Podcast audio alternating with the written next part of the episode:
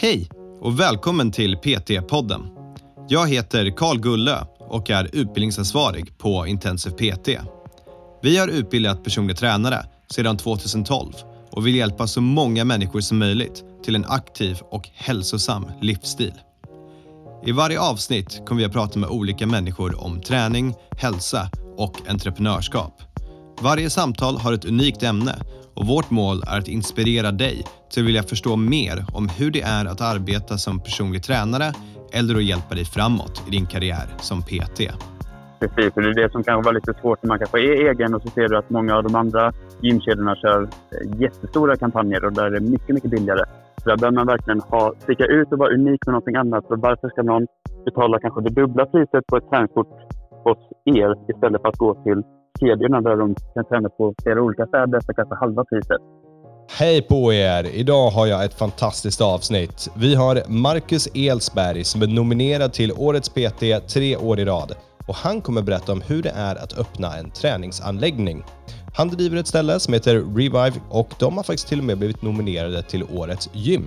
Och det vi har på agendan det är hur du ska ta steget från att vara en liten träningsanläggning till en större träningsanläggning. Så mycket mål, mycket vision, mycket tankar. Det här är ett perfekt avsnitt för dig som funderar på att öppna någonting eller att expandera. Nu kör vi!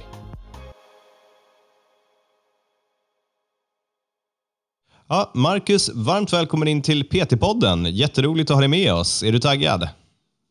Absolut. Stort tack att jag får vara med. Förhoppningsvis eh, kan detta bli ett väldigt spännande avsnitt för många som är i liknande situationer och kanske vill ha mer information hur man kanske driver en gymanläggning och tar, tar det steget så att säga. Absolut, och det här är egentligen din egna idé. Liksom, när du la upp det här i vår Facebookgrupp för alla som är färdiga med utbildningen och började prata lite grann om vad du har gjort och så fick vi en massa frågor. Så det här kommer helt klart vara ett intressant avsnitt, det vet jag. Eh, men jag tänker så här, börja med att berätta lite grann, ehm, ja, börja med att berätta vart är ni nu? Ni har ett gym, eller hur? Ja, precis. Så i dagsläget, vi startade för eh, tre år sedan kan man säga. I dagsläget är vi i en, ett fullsize 1300 kvadratmeter eh, med gym och anställda och PT, gruppträning och eh, hela den biten. Eh, men vi började ju i en mindre skala eh, framför allt. Med lite utomhusträning och mer som en PT-studio kan man säga. All right, så nu är det ett gigantiskt 1300 kvadratmeter gym, PT, gruppträning, allt som du tänker dig när du tänker dig ett stort gym. Liksom. Precis. Och Visst, det är lite mer inriktat åt det funktionella träningshållet. Va? Det var inte så mycket maskiner överallt, utan det är stora fria ytor och sådana grejer. Ja, så det kan man väl egentligen säga lite redan från eh, vår start när vi började så har alltid temat varit eh, träning som vi själv tycker om och lite vad vi eh, står för och tror på. Lite från våra utbildningar och lite vad vår framförallt målgrupp har trivts med. Eh, vi har ju medlemmar som kanske har testat att vara på traditionella gym tidigare men kanske inte trivs till 100% med det. Eh, och många som vi har fått in kanske just nu i den större anläggningen i gymmet har kanske aldrig provat att vara på ett gym eller varit kanske på ett mer klassiskt gym med mer maskiner. Så det vill vi försöka arbeta bort och ha en, ja, vad ska man säga, en mix mellan en box och och ett gym kan man säga, med mycket öppen yta. Precis, precis. Så berätta lite om hur ni började då. För det, ni började ju inte med ett så här stort gym, eller hur? Nej, precis. Så vi började egentligen, jag gick ju PT-utbildningen via Intensiv PT 2016. Eh, och jag tog utbildningen samtidigt som jag då pluggade till civilingenjör. Eh, men vantrivdes lite i den situationen och kände att jag vill börja arbeta med träning, för det var det jag eh, Jag satt mycket på min fritid och läste artiklar om träning och kost och kollade videos och tänkte att det här eh, vill jag eh, arbeta med. Och såg då en lösning att okej, okay, jag tar en PT-utbildning under tiden jag pluggar och när jag var klar där så sökte jag direkt jobb egentligen. och fick jobb då på en kedja där jag jobbade ungefär ett och ett halvt år kan man säga.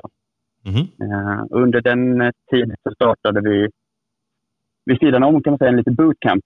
Eh, så vi hade utomhusträning i en liten by utanför Kristianstad, i Önnesta. Då. Eh, för att vi, min sambo Linnea som jag driver företaget tillsammans med, vi, hon är därifrån. Vi hade många där som vi ville få igång eh, med träning. Och då försökte vi ta träningen till dem istället för att få in dem till stan. Då, så att säga. All right. All right. Så utomhusträning i, med lite större grupper då som började byggas upp? Ja, så det var ju första gången så testade vi lite. Men det här tror vi kan, kan vara någonting. Eh, och åkte, och bjöd in folk och lite hoppades att eh, några skulle komma egentligen. Och första gången där blev det en succé med över 50 personer. Eh, och då kände vi att ja, men här, här har vi någonting att bygga på. Eh, och så körde vi den under eh, hela sommaren. Då. Eh, det var egentligen via där sen vi fick en förfrågan av eh, en tjej som drev eh, på eh, nu då, en lite mindre anläggning med utomhusträning och lite så, som mm. skulle börja plugga och lägga ner. Och frågade om vi var intresserade att ta över och köpa den verksamheten då. Mm. Så det är liksom lite på den vägen det är. Då. Så då köpte ni en annan verksamhet helt enkelt. Som var, det var runt en 200 kvadratmeter lokal om jag minns rätt. Och så flyttade ni in där och började bedriva er egna verksamhet. Precis. Så det blev ganska snabba puckar från att vi var på kedjan. Då. Men vi kände att men vi, vi är sugna på att ta steget vidare. Vi hade en vision om att eh, driva något eh, eget. Då. Då tänkte vi att det här är en bra eh, start. Eh, och att vi, vi började inte från noll, men vi hade kanske 20 medlemmar från start dag ett. Och sen därifrån fick vi börja bygga det uppåt. Då. Eh, och då var det mycket klasser med gruppträning, mycket utomhus eh, och en del även inomhus. Då, som, ja, knappt 200 kvadratmeter, så vi hade inte plats för jättemånga. Eh, men där började vi mer och mer skapa eh, grupper. Vi körde styrkegrupper, viktminskningsgrupper eh, och vi började framförallt arbeta mer och mer med, med PT-timmar som vi hade gjort mycket innan när vi arbetade helt som PT. Då. Yes, var det ni två eller hade ni andra personer med er som jobbar som PT? Från, det har varit vi två från start kan man säga. Och där bedrev vi nästan alla klasser själva. Eh, vi tog in eh, några som hjälpte med att hålla vissa pass yoga och lite sånt som vi själva inte höll i. Eh, men majoriteten av alla gruppträningar och all PT eh, i början körde vi helt eh, själva. Eh. All right, så låt mig dra en recap då. Så vi har att ni börjar utomhus med lite bootcamps eh, och lite allmän utomhusträning, där är er egna verksamhet då. Eh, och sen så köpte ni en lokal och så flyttade ni in till runt 200 kvadrat och så började ni experimentera lite grann. Och det här var så framgångsrikt så att helt plötsligt bestämde dig för att nu är det dags att expandera till eh, betydligt mycket större. Har jag uppfattat allting rätt då? Precis, och det gick ganska snabbt. Från att vi flyttade in där i september så märkte vi att redan vid årsskiftet, där, i början körde vi eh, enskild firma och så märkte vi att vi kommer vilja göra det här större så vi gjorde om då till aktiebolag. Eh, och redan där började vi eh, skissa och planera för en större lokal Eh, och kollade. Vi gillade läget som vi var i så vi ville inte flytta härifrån för att ha utomhusdelen som var en stor del av vår verksamhet. Då. Eh, och började kolla med hyresvärden om det fanns eh, lokal i närheten om han hade någonting som var större än där vi var i. Att vi började bli för stora. Vi fick inte plats helt enkelt. Eh, och vi hade lite en våg uppåt. Det gick ganska bra då. Vi kände att vi vill och kan köra mer grupper. Vi kan köra mer PT och eh, började skissa på hur kan vi ta steget vidare till en, till en större lokal. Eh, och tanken då var kanske att gå från ja, men, knappt 200 till kanske det dubbla från början. Mm. Eh, men sen över tidens gång så märkte vi att vi, vi vill göra detta stort eh, redan från början. Då. Okej, så nu kommer vi till hjärtat av avsnittet här. För det här är, liksom allt ni gjorde innan, det är coolt. Men det här, det är det jag vill prata om. För det här är någonting som är svårt att lära till sig. För det är säkert många situationer, eller många människor som är i samma situation som er. Och det är rätt svårt att ta det här beslutet av att gå från en liten anläggning som går bra till att göra steget av att helt plötsligt expandera och ta risken av att man behöver fler medlemmar, fler saker, mer utrustning, det är dyrare, det är en större chance to fail. Det, det är den här uh, big fish small pond eller small fish big pond om man har chans att fallera. Liksom.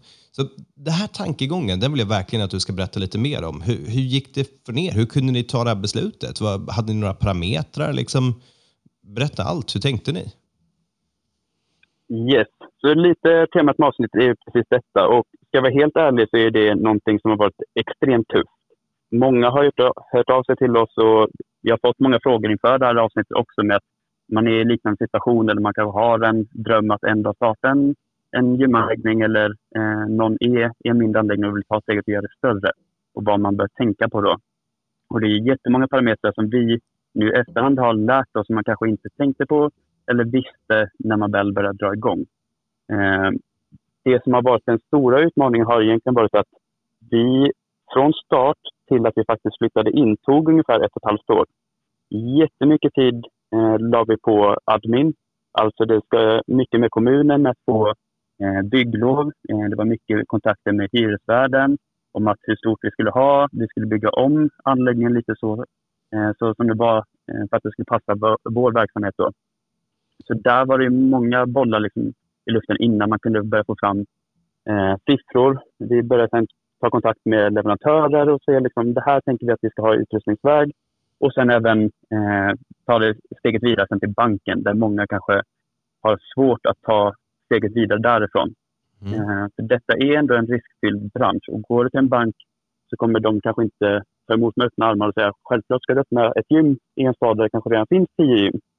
Eh, utan det är ju, där får man verkligen tro på sin sak och kanske lägga fram varför eh, sin verksamhet kommer lyckas och vad man har som kanske gör unikt just sitt företag versus de andra, kanske lite större kedjorna som finns oftast i många andra städer. Precis, och det här känner jag igen, för det här är någonting jag har hört med många människor som öppnar egna anläggningar, att det är just bygglovet och hela den processen, den tar så mycket tid och den tar så mycket energi, så när det är klart, då vill man nästan inte ha sitt gym längre. Då känner man, nej nu, nu skit för det. jag vill hålla på med träning, inte byråkrati. Liksom. Så det, det, är faktiskt det är en väldigt bra punkt att lyfta upp, att vara noggranna och räkna med att det här kommer ta en liten stund. Och hur gick det sen med banken då? För då ni liksom ni fick förhandla lite grann, men till slut så fick ni ta ett lån som kunde hjälpa er att finansiera och starta upp det här, eller hur, hur såg det ut? Ja, det är en, en viktig puck liksom i det hela, att man behöver ha koll på vad kommer det här faktiskt kosta? Eh, och det har varit lite frågor också om, eh, ska man köpa nytt, ska man ha begagnat, hur stort ska man öka till? Vi var i en situation då att vi växte ur vår lokal. Eh, samtidigt som Linnea hade gruppträningspass så hade jag PT samtidigt i ena hörnan i lokalen och fick hålla mig på en skivstång kanske. Eh, och vi fick mer och mer förfrågningar om eh, med grupper och nya medlemmar. Eh, och många som körde PT fick träningsupplägg som kanske fick köpa, köpa gymkort på andra gym just för att kunna eh, utöva sina pass varje vecka och så. Så vi var i verkligen i situation, okej okay, vi måste öka nu. Eh, och som sagt, det, det tog väldigt lång tid. Så vår grej var ju lite att när vi gick banken så var vi väldigt säkra på vår sak. Okay, vi har en verksamhet idag som går bra. Vi vill göra det större eh, och våga ta risken. Eh, det man behöver veta där är att ofta behöver du gå in med rätt så mycket pengar eh, och en trygghet själv för att du ska kunna få ett lån kanske på två miljoner om du har utrustning till det. Så det, vi satte ju väldigt mycket rent ekonomiskt själva med allt vad vi ägde och fick ta lån för, för att ens kunna möjliggöra att ta steget vidare. Mm. Så man måste vara villig att offra eh, mycket för att det ska starta, att kunna starta det. Eh, men är man verkligen säker på sin sak, då ska man verkligen kriga för det, men det kommer inte vara lätt. Och det är väl där vad jag har fått många frågor på. Eh, många har svårt att man kanske går till en bank och säger att ja, men jag vill låna två miljoner eh, och så kanske man får ett nej. Eh, då får man kanske gå till andra banker eller man får lägga om. Eh, kan man ta del av en annan kostnad via Almi till exempel och liknande. Eh, det är det som är lite nackdelen när man kör själv versus kanske en stor kedja som kanske har mer pengar eh, och kan öppna nya gym. Så är det svårt att göra det helt solo. Då. Ja, precis. Det betyder mycket enklare att öppna någonting som är typ 200 300 kvadratmeter och börja där eh, än att öppna upp något som är så pass stort. Men jag, jag, tycker även i linje med det så är det faktiskt, det här är också ett råd jag har hört av flera, det är att man växer. Man börjar inte helt plötsligt med en gigantisk anläggning, utan man växer in sig till att bli en gigantisk anläggning. Att man börjar lite mm. lättare, mm. lite mindre och sen allt eftersom så blir det större och större. Och Då tänker jag så här att det är ju ganska lätt att säga att man ska ha pondus när man går till banken och man kanske känner sina medlemmar bra och förstår att vi har en efterfrågan. Men på något sätt så måste man ändå räkna på det här och få lite självförtroende i siffrorna. Kan, kan, du berätta lite om den processen? Finns det några liksom vanliga KPI som man kollar på? Eller hur lyckas man övertala dem att men, det här kommer bli en lönsam business sen? Hur, tänk, hur ska man själv tänka när man ska räkna på det? Ja, precis som du nämnde innan så är man, man går in i rollen lite att man tänker att man är tränare, man vill arbeta med träning. Men under det, eh, den tiden, ett och ett halvt år där, så la jag och Linnea väldigt mycket tid på just det här med möten, Eh, det var olika resultatbudgetar man skulle räkna på eh, och banken och liknande ville ju vara säker på sin sida och de vill liksom se resultatet. Någon budget vi gjorde, ja men då såg det för bra ut. Det här kommer inte vara, så här kan det inte se ut i verkligheten. Då har ni för bra avtal. Och, eh, någon då såg det, ja men det här, tänk om detta händer, vad gör ni då? Och man får alltid ha plan A, B, C eh, och planera för att det kanske inte kommer gå. Och alltid när man gör en budget så är det lite en gissning. Vi tror att vi kommer ha så här många medlemmar, så här många medlemmar är vi idag. Eh, vi hade ju positivt att vi ökade omsättningen ganska snabbt och kände att vi kan göra detta i större... Eh, men vi, vår eh, brist just nu är att vi inte kan ha en större lokal. Vi kunde ta in flera tränare för att vi hade inte mer tid att eh, använda lokalen på. Mm. Så nästa steg var då att ta in flera personer, eh, anställa PT så att vi kunde göra allt detta i eh, en större skala. Då. Så, så man försöker prioritera lite, man tänker vad är det jag behöver vad är det enklaste för mig att få som kommer göra störst effekt? Så i ert fall så var det ytan. Ni behövde en större yta. Kanske inte nödvändigtvis att ni behövde jättemycket dyr utrustning, men då kanske börja med en sån typ av uträkning. Hur ser det ut om jag behöver större yta? Sen så blir steg nummer två, men för den här ytan då kommer jag behöva personal som bedriver verksamhet här då vad kommer den kosta och vad kan den tjäna? Och sen kanske steg tre, då kanske man börjar tänka, okej, okay, och vilken utrustning hade varit optimal att ha och vilken utrustning hade varit okej okay att ha och vad är prisskillnaden? Så man verkligen försöker vrida och vända på det här på så många olika sätt som möjligt. Eh, är det ungefär så processen ser ut? Precis. Så vi målade upp eh, mycket liksom i lokalen i början att ja, men så här vill vi ha det. Vi hade tänkt ha bubbelpool och bastu och liknande. Och sen när man får offert på vissa grejer så var det kanske att ja, men om ni ska ha en bubbelpool. Vi behöver dra vatten hit och då kommer det kanske kosta 200 000 extra. Ja, det och det är en situation, okej, okay, det blir dyrt. Det kommer aldrig att bära de kostnaderna. Så får man ha en dröm och sen får man liksom, okej, okay, men omklädningsrummen är en sak vi har liksom så här, från början tänkte vi slå ut väggar och göra dem jättestora. Men så tänkte vi att det skulle vara en jättestor kostnad att ändra om dem. Då tänkte vi att de flesta i dagsläget byter oftast om kanske hemma eller bara byter om på plats och inte duschar. Så att omklädningsrummen är kanske någonting vi kan prioritera ner. Mm. Eh, så där gjorde vi liksom vissa sådana beslut att det här är drömmen, men det här är ändå good enough. Det man ska tänka på är alltid att medlemmarna, likadant när vi hade öppningshelgen och liknande, hade vi jättemycket saker vi tänkte det här ska vi ta in och vi ska ha en DJ där och vi ska ha en massa spännande saker som är en kostnad. Så vi tänker att det här kommer bli jättehäftigt. Eh, och så vissa saker fick man liksom, okej okay, det här får vi ta bort, det blir en för stor kostnad eller så. Eh, och medlemmarna blir ofta supernöjda av att vi som personer är där, det är, de, det är oss som träffar, eh, det är oss som har en bild av, det är det som är det viktiga.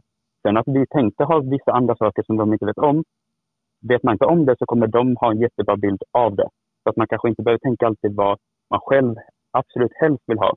För som sagt, i öppningen det är väldigt mycket kostnader. Det behöver man räkna på eh, mycket innan. Vi var i ett läge där lokalen vi tittade på var ju verkligen, det här är vår drömlokal.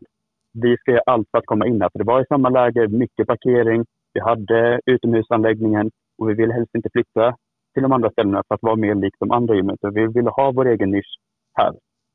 Eh, vi hade kunnat välja att starta med halva lokalen.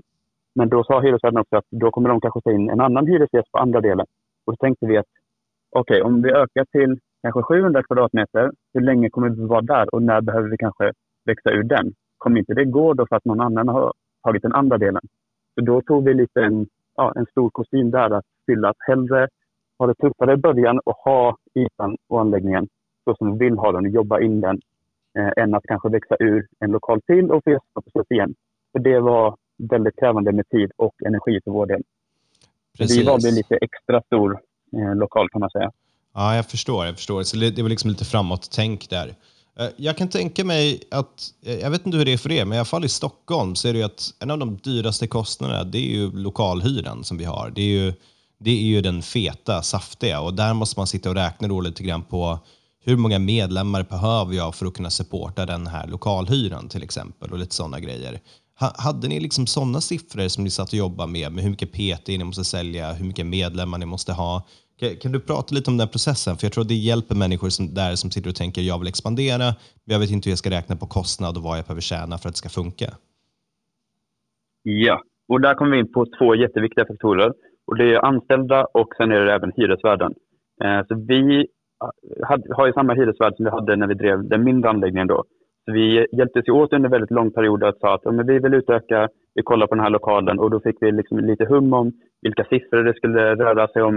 Eh, så att vi visste liksom, okej okay, så här stort, då kommer det vara den här hyran.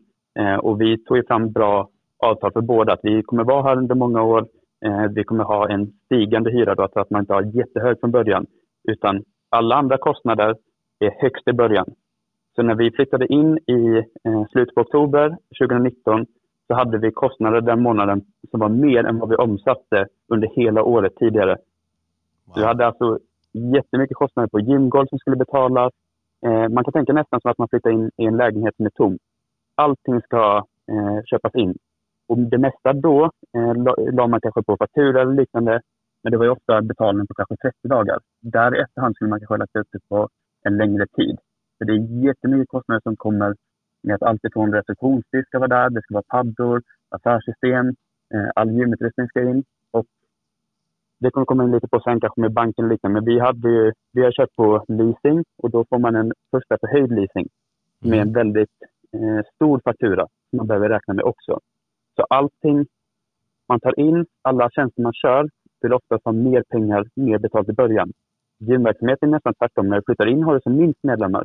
Och sen är planen att du kommer öka. Du får in mer peter du får in mer medlemmar. Så att ett halvår efter öppnat har du kanske mer pengar in varje månad än vad du hade från månad ett. Men där bör man ha en budget och räkna på att kommer vi klara de här kostnaderna? Eh, för i början är det väldigt mycket pengar som ska ut. Då. All right, men ska vi prata lite kostnader då, för att börja få en idé så att lyssnarna kan liksom... Vad kostar det att starta den här anläggningen? Vad, vad får man gå upp med innan man ens kan starta upp dörrarna? Liksom? Ja, så det är en vanlig fråga jag får, även fått lite nu från eh, eh Intensiv PT här. Eh, och det är egentligen, allting där beror ju på lite vilken, vad har man i dagsläget? Eh, vad ska man utöka till? Eh, vilken typ av utrustning väljer man? Eh, vi har valt att köra med Casaldo Matrix. Vi har kört en totalleverantör med golv och utrustning och allting så. Eh, och då kan man ofta få lite bättre rabatter och liknande. men klassisk maskingym är oftast dyrare.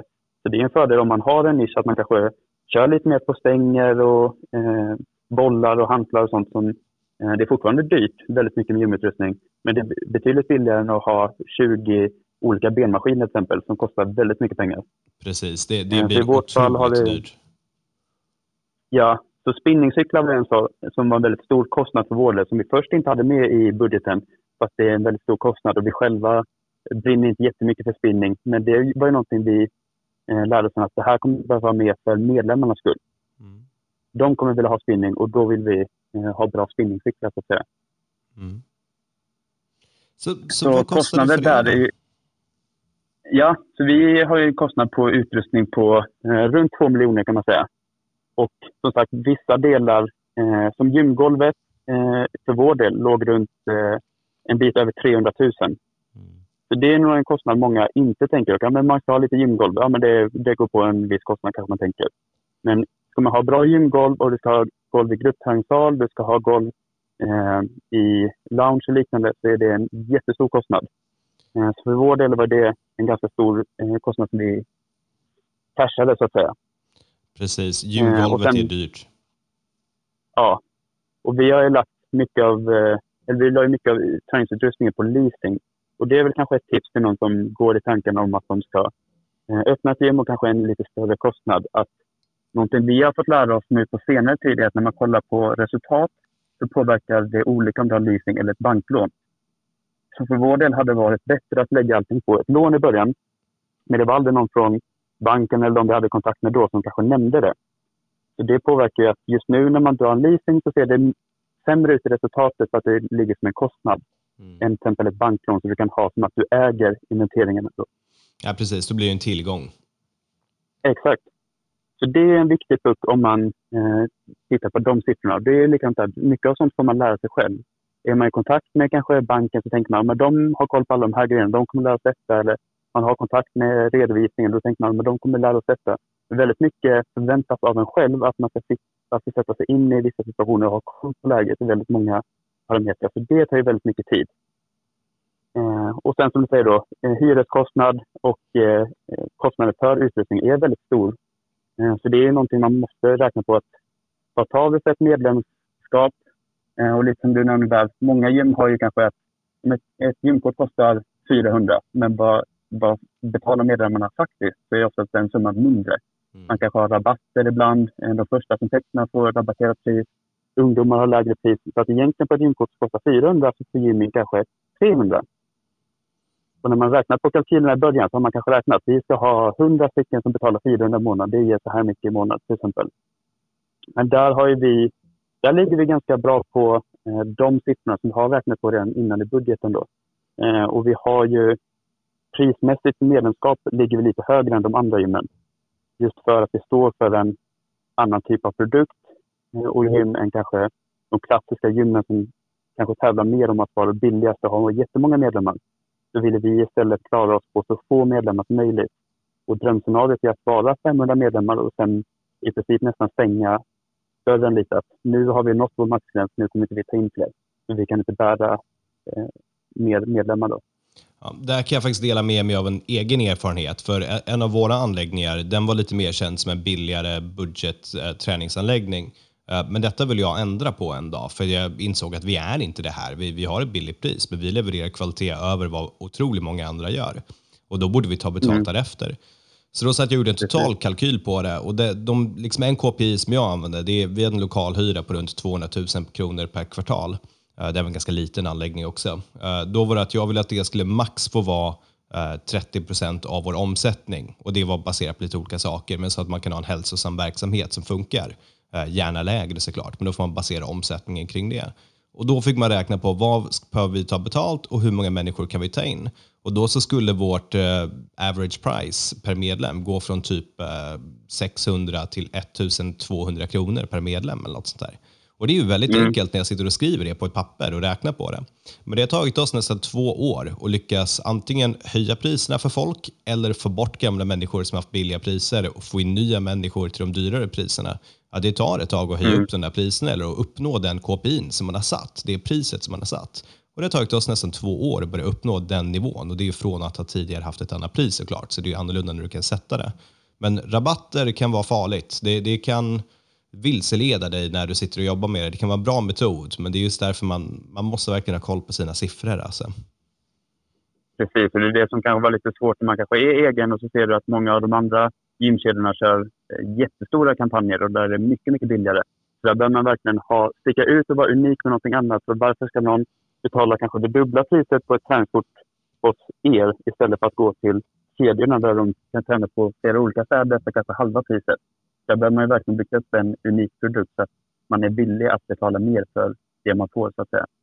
Okej, så det jag hör nu är att det är väldigt mycket Alltså det är mycket mer än hur du ska göra träning som krävs för att starta en sån här anläggning. Det är inte bara biceps curls och kunna stötta folk till att göra en bra klass, utan vi måste tänka redovisning, ekonomi, det, det är så många olika faktorer. Eh, kan man få hjälp på något sätt? Har, har ni liksom haft någon rådgivare som har hjälpt er komma till alla de här olika besluten? Ja, precis. Så när man går in i den här situationen så är det verkligen mer att men, vi är duktiga på träning, det här är vår grej, det ska vi göra mer av. Men under tiden när man öppna, ska öppna det nya och framförallt när man är igång och öppnar nya. Vår nisch har varit lite att vi har varit väldigt personliga och varit på plats, hållit mycket klasser, pratat mycket med medlemmar. Den biten försvinner ju mer och mer ju större man blir. Eh, och en jätteviktig faktor där är precis som du säger med rådgivning. Vi har ju använt oss mycket av eh, Seth Ronland som var med i den här eh, podden också ja. med några jättebra avsnitt. Eh, så vi introducerades ju för honom när vi började gå EBP-utbildningar, evidensbaserad praktik, eh, under 2018. Lite för att vi ville just ha vår egen nisch. Vi ville bli bättre på just hur arbetar man med skador? Eh, vad vet vi utifrån idag med evidens? Hur ska vi arbeta med kost, träning? Eh, just för att vi ville kunna erbjuda vissa grupper viss hjälp som man kanske inte kunde få på alla andra ställen. Eh, och där gick vi första utbildningen i början av 2018 och blev helt sålda första utbildningen. Så först var det lite jobbigt med mycket saker som man kanske hade sagt eller trott på mycket själv. Som Seth tar upp mycket. Han är ju extremt nördig för de som har träffat honom. Jag har eh, fått skämmas några mycket. gånger när jag pratar med honom och sitter och pratar. Och sen så inser jag hur fel jag har i allt som jag tycker och tänker. Liksom. Eller hur jag, vilka Precis. bias man har. Precis det. Och det är jättemånga som har det. Och då kanske man går runt och säger att men det här är si och så, för det har man alltid sagt. Det, det tycker jag och man har egna bias för saker. Eh, och när man blir konfronterad med det så blir det först lite så här, oj, det här var lite jobbigt att höra, men samtidigt jag kan inte vinna en diskussion på någonting som jag kanske bara hört eller inte har några fakta bakom. Mm. Så där blev det väldigt mycket fokus på att okej, okay, det här är någonting vi ska arbeta med framåt. Det är någonting vi tycker saknas där vi finns då i Kristianstad.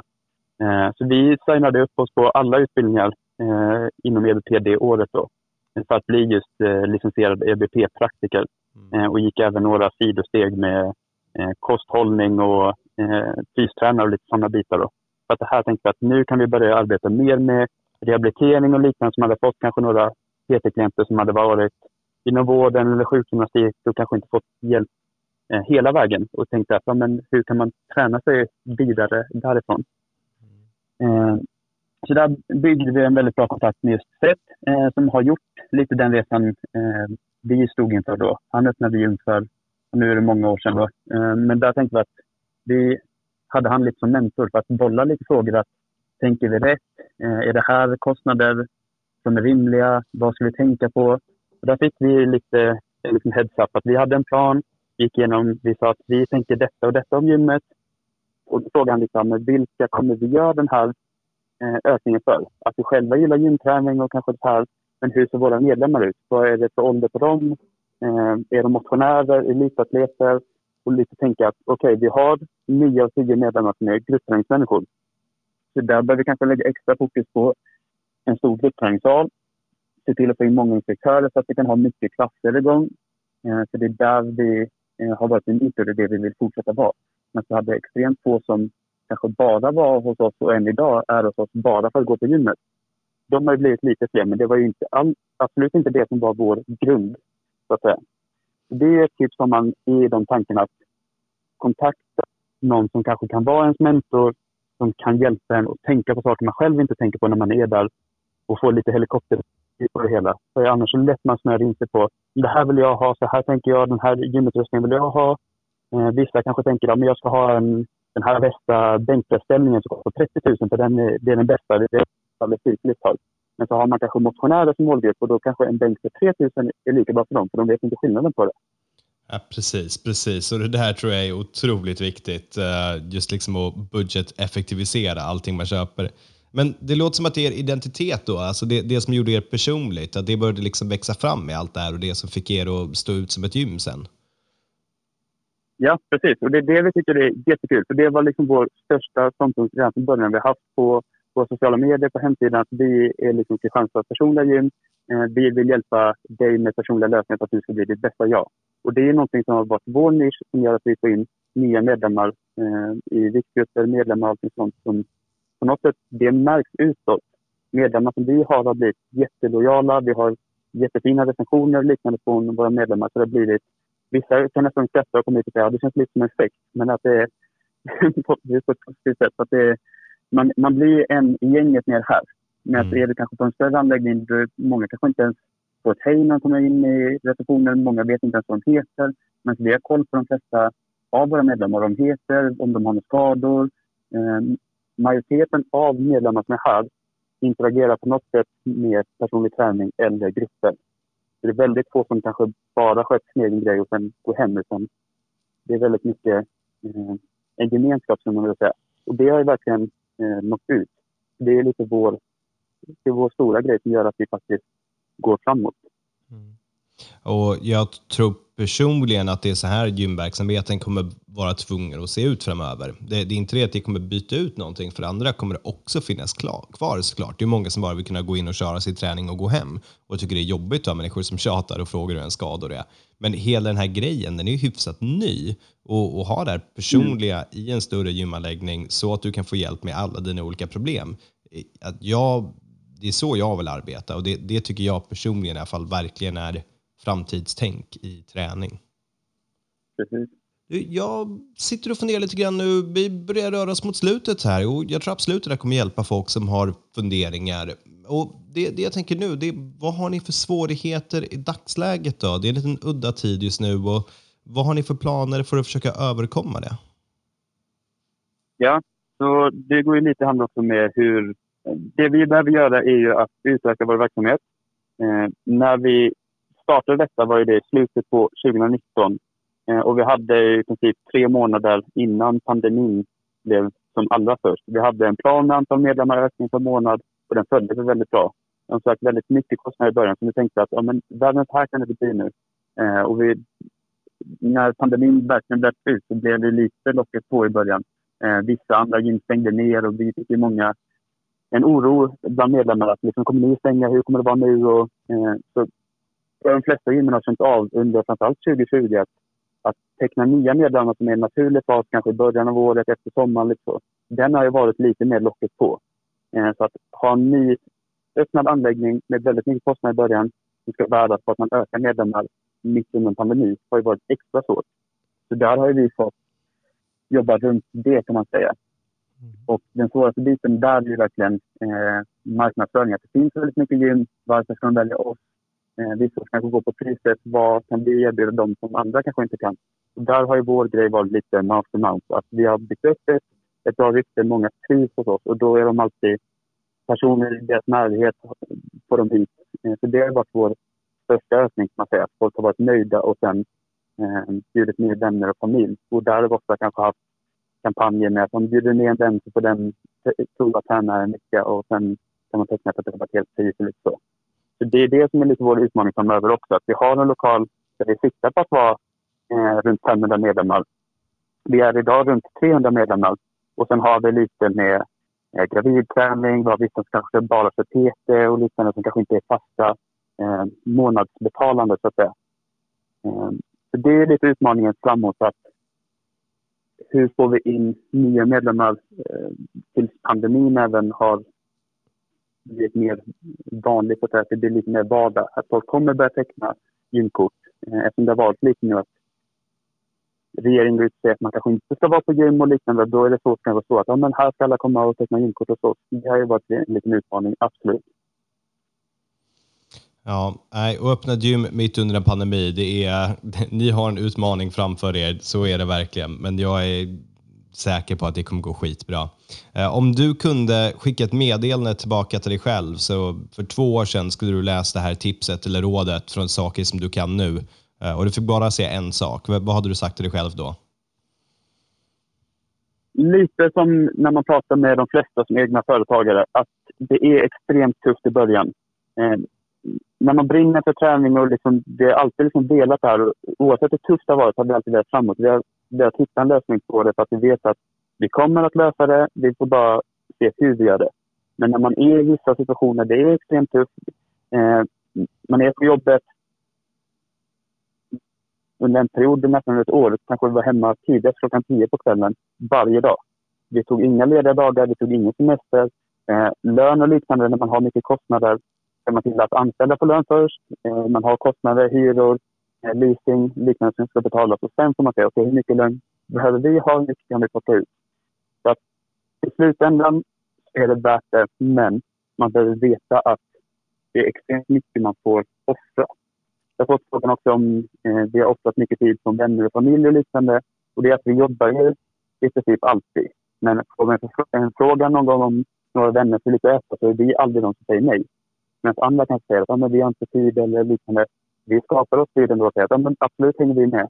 Eh, men sen kanske vi jobbar även när man kommer hem på kvällen eller på helgen när de andra kanske är lediga. Så att driva ett eget tror jag är för väldigt många, framförallt i början, att man jobbar alltid och aldrig precis. Även om man skulle ta en ledig dag så kommer det behöva gå igenom vissa saker, svara på mejl eh, och den biten. Så där har det varit en otrolig trygghet för mig att både jag och min sambo Linnea har gjort detta tillsammans. Så hade till exempel jag sett en sån här grej och hon hade haft ett, ett vanligt jobb. Man slutar fyra, kommer hem. Det tror jag inte hade funkat. Och om man har det så behöver man vara inställd på det redan från början att det kommer att vara vissa dagar man kanske tänker nu ska jag åka hem klockan sju och så slutar det med att man är hemma klockan elva och inte ätit. Eh, så där måste man vara villig att offra vissa saker själv. Vi själva brinner för träning. Innan vi utvecklas i större verksamhet så tränar man i princip varje dag. Man satte nya PD, man löste nytt träningsschema till att sen vissa veckor kanske inte fick in träning alls. Man prioriterar sig själv och sin egen träningssatsning mindre och det måste man på något sätt vara beredd att göra under en viss period för att man orkar inte se allt för att det krävs ganska mycket energi och tid av en. Så det, ett meddelande till mig själv hade nog egentligen varit att det är väldigt tufft och det kommer att vara tuffare än vad man tror och än vad någon någonsin kan säga till den. Men har man verkligen visionen att man ska klara det och sätter upp ett tydligt mål så kommer man att göra det. Man får bara offra väldigt mycket i början. All right. Så om någon vill följa din resa för att se hur det går för dig och Linnea, vart ska man gå in och kolla in detta då?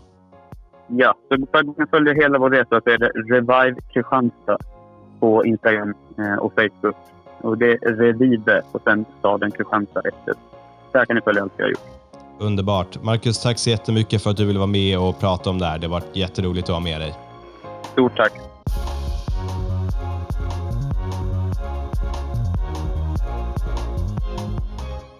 PT-podden är producerad av Intensiv PT. Om du vill veta mer om våra utbildningar och gå med i nätverket av framtidens personliga tränare, gå in på www.intensivpt.se. Vi har kursstarter varje månad och du kan studera helt i ditt egna tempo.